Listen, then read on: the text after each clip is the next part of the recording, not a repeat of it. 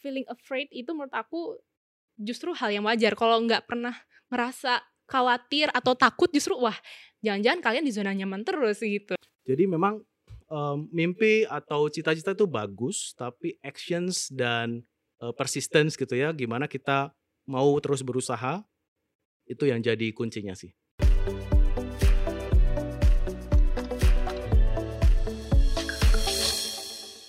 Hai T-Friends, apa kabar? Semoga semua tetap sehat, tetap semangat ya.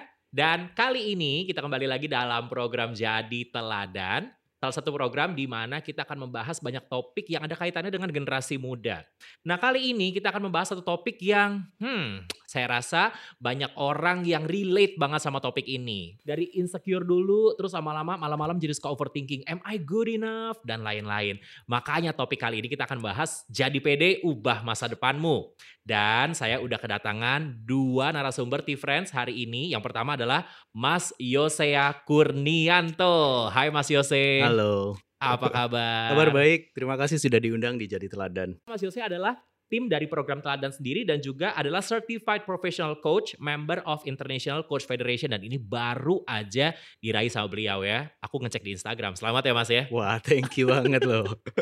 Oke, dan berikutnya narasumber kedua kita adalah Mbak Fania Herlambang yang ada di sebelah saya. Halo Mbak Fania. Halo semua T-Friends, apa kabar? Seneng banget loh bisa di sini ngobrol bareng kalian semua. Nah, kita sure. juga senang banget kedatangan Mbak Fania karena Mbak Fania adalah duta SDGs, terus runner up pertama dari Putri Indonesia Lingkungan 2018. Wow, dan juga 15 besar Miss International Indonesia 2018. Terima kasih banget kedua narasumber kita udah dat- datang ke sini.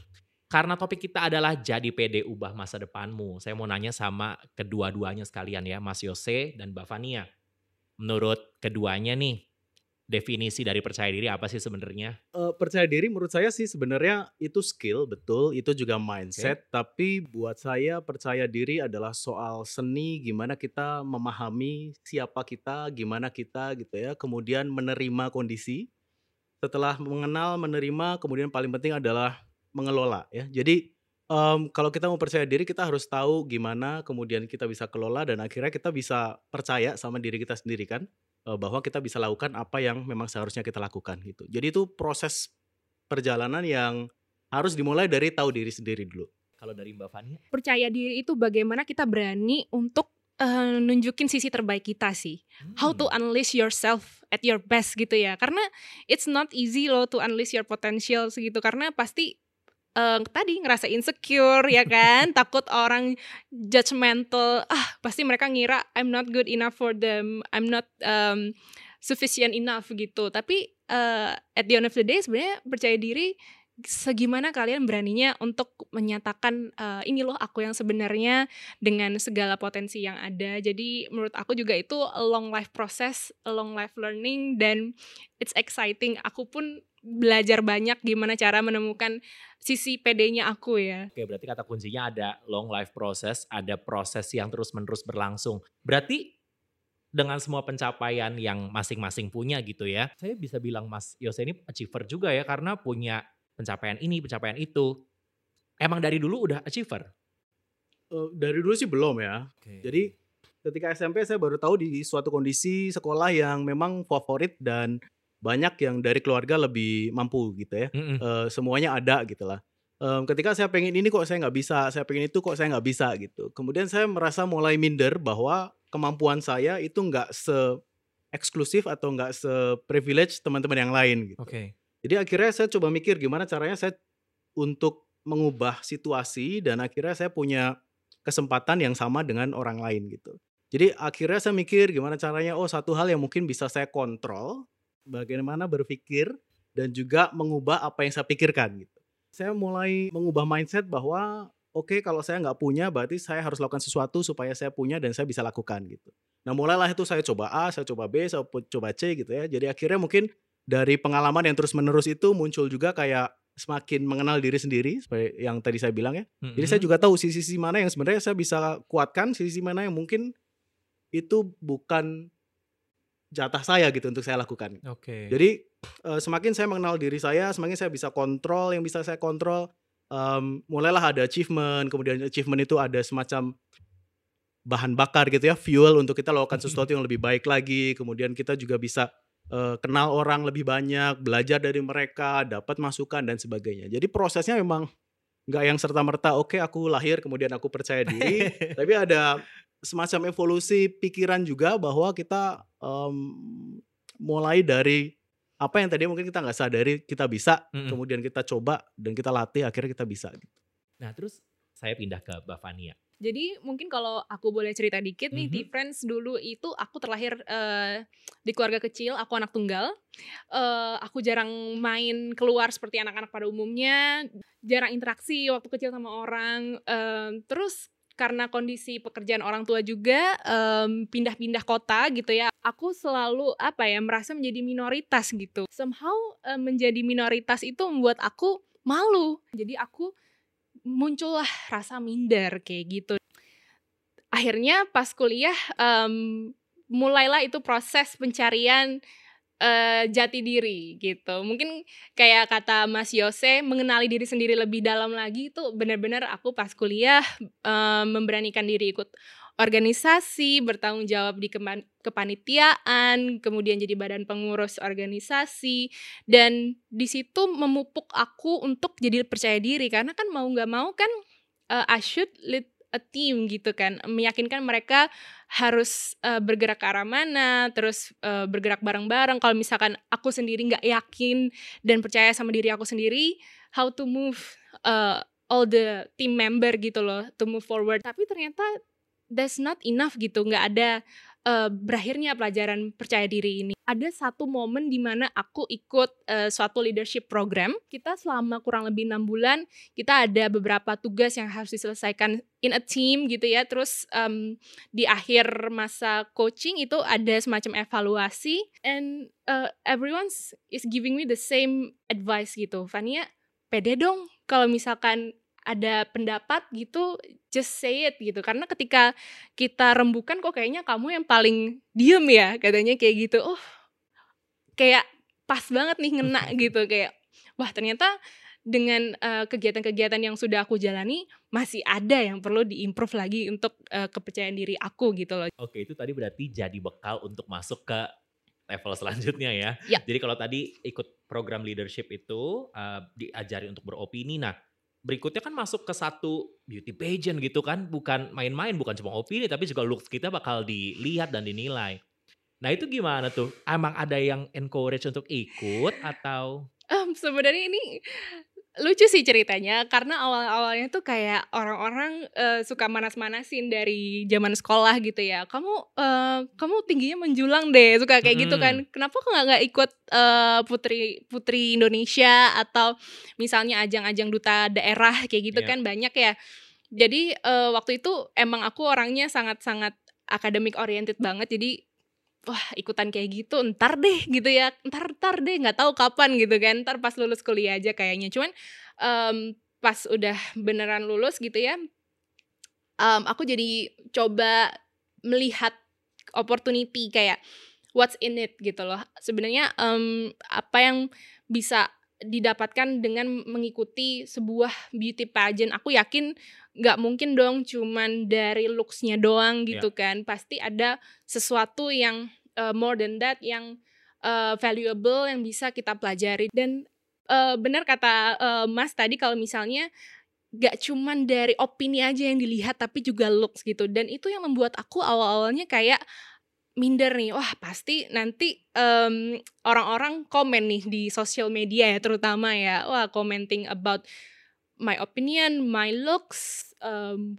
catwalk aja nggak bisa gitu kan dulu kan boro-boro. Hmm. Jadi wah itu benar-benar aku yang namanya uh, dapat banyak kritik gitu ya. Itu banyak banget dan um, gampang banget untuk hilang kepercayaan diri sebenarnya ya. Cuman aku merasa ini adalah a new level gitu yang aku harus pelajari lagi okay. untuk lebih percaya diri in this stage. Jadi um, di situlah benar-benar aku jadinya uh, belajar PD di depan publik, uh, depan kamera, di depan teman-teman di sosmed juga. Jadi ya itu tadilah perjalanan yang memupuk uh, akhirnya aku bisa turning dari si anak minder jadi seseorang yang ya bisa dibilang sekarang cukup percaya pada diri sendiri. Oke, sekarang pertanyaan singkat, tolong dijawab singkat juga. Setuju atau enggak? Kalau kepercayaan diri itu bisa dilatih, Mas Yose? Setuju. Setuju. Setuju banget. Setuju banget. Oke. Sekarang setuju atau enggak kalau kepercayaan diri ini atau self confidence adalah sesuatu yang uh, sifatnya naik dan turun. Jadi kadang kita pede banget, kadang kita enggak pede banget. Gimana? Setuju. Setuju. Setuju. Oke, nah sekarang baru saya mau nanya pengalaman masing-masing nih. Mas Yose dengan berpindah-pindah tempat, berpindah ke lingkungan yang baru lagi gitu ya. Sebenarnya apa sih yang eh, bikin Mas Yose bisa tetap pede? Satu cara untuk kita jadi percaya diri adalah bagaimana kita mengelola diri kita untuk terus belajar sehingga meskipun nanti ada satu stage yang gagal, kita mungkin gemeter atau apa, jangan ambil itu sebagai aduh aku gagal banget, aku udah nggak bisa, memang aku nggak punya bakat di situ gitu ya. Tapi ambil itu sebagai sebuah poin atau pijakan yang penting bahwa oke aku ada learning points baru yang bisa aku gunakan ketika nanti aku menghadapi seseorang, jadi aku tahu gimana caranya gitu. Semakin kita punya poin-poin pembelajaran untuk menghadapi situasi, semakin ke- mungkin kita untuk merasa percaya dirinya kuat gitu. Kalau Mbak Fani dalam kompetisi apa sih bikin kita bisa tetap pede nih? Dalam kompetisi yang aku pelajari itu bagaimana menjadi menjadi the best version of ourselves ya. Karena Oke.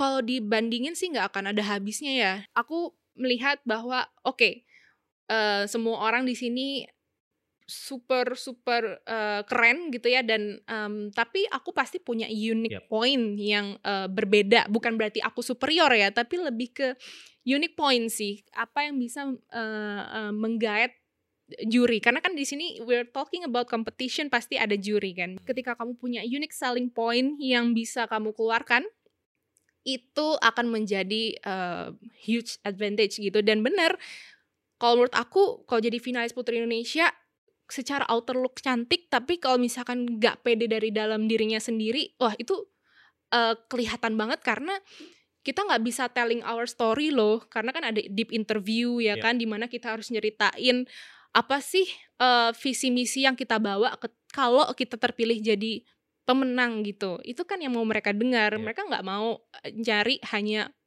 eh, orang yang looks good aja tapi juga jadi representatif yang baik jadi role model yang baik buat masyarakat. Jadi di situlah aku akhirnya em, berpegang pada eh, satu hal yaitu speak up. Jadi aku speaking up tentang apa advokasi aku, visi misi aku yang ingin aku bawa. Karena waktu itu aku menyuarakan women empowerment karena aku dari bidang eh, engineering yang notabene eh, didominasi laki-laki kan. Jadi eh, itu yang aku suarakan di situ. Dan cara aku meyakinkan jurinya dengan maksudnya eh, how I manage myself to be confidence gitu ya, how I manage my self esteem itu yang aku lihat em, dilirik oleh juri sehingga mereka melihat oh this is Fania gitu loh, this is her kira-kira dia siap nih untuk eh, menjadi panutan untuk masyarakat muda ya. Mudah-mudahan seperti itu ya. Amin.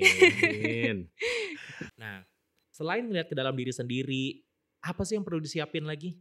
Jadi ada proses em, pemetaan yang saya lakukan. Siapa siapa yang ingin saya temui, siapa siapa yang ingin saya minta jadi mentor saya, apa yang ingin saya capai. Nah, em, pembayangan tujuan atau hal-hal yang ingin kita capai itu penting kita lakukan dari awal. Jadi kalau kita kayak mau jalan-jalan gitu ya, kalau kita belum tahu tujuannya, kita nggak tahu apa yang harus kita bawa kan. Iya. Kita mau ke laut tapi bawa perlengkapan gunung kan aneh juga.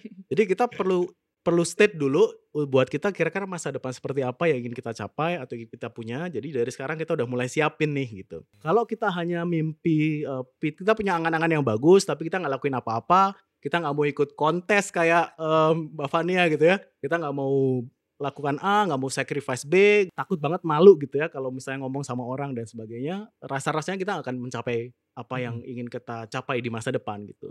Jadi memang em, mimpi atau cita-cita itu bagus, tapi actions dan eh, persistence gitu ya, gimana kita mau terus berusaha, itu yang jadi kuncinya sih. Oke, wow, jawaban luar biasa sekali dari Mas Yose. Mbak Fania mau nambahin nggak? Kalau dari aku sendiri, aku setuju banget sama Mas Yos- Mas Yose karena menurut aku cemplungin aja dulu gitu. To any activities kayak aku juga jujur emangnya aku em, fully ready gitu untuk ikut Putri Indonesia? No. Emangnya aku fully ready untuk ikut such leadership program? No. Ya cemplungin aja dulu karena um, seru banget loh untuk expect the unexpected. Jadinya kita kembali lagi gali potensi di dalam yang belum keluar gitu dan itu kan memaksa kita untuk belajar lebih percaya diri adaptasi sama lingkungan sekitar kita um, apa ya nggak nggak takut untuk dikasih um, masukan sama orang lain gitu ya. Kita berani untuk step out from our comfort zone.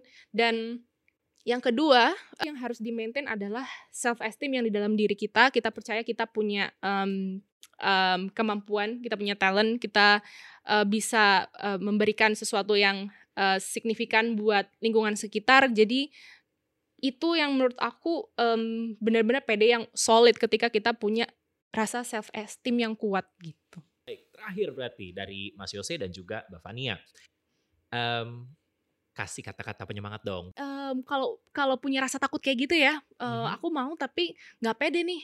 Itu fase satu yang bagus banget menurutku. Ke step yang berikutnya, ceburin diri kalian, kerjain aja. Kalau kalian dikasih tanggung jawab untuk memimpin organisasi, take it meskipun merasa nggak pede tapi kalian bisa belajar di situ go forward aja nggak apa-apa jadi justru uh, feel feeling afraid itu menurut aku justru hal yang wajar kalau nggak pernah merasa khawatir atau takut justru wah jangan-jangan kalian di zona nyaman terus gitu ya nggak sih? Iya, iya, iya, iya. Wow, hmm. luar biasa. Thank you Mbak Fania.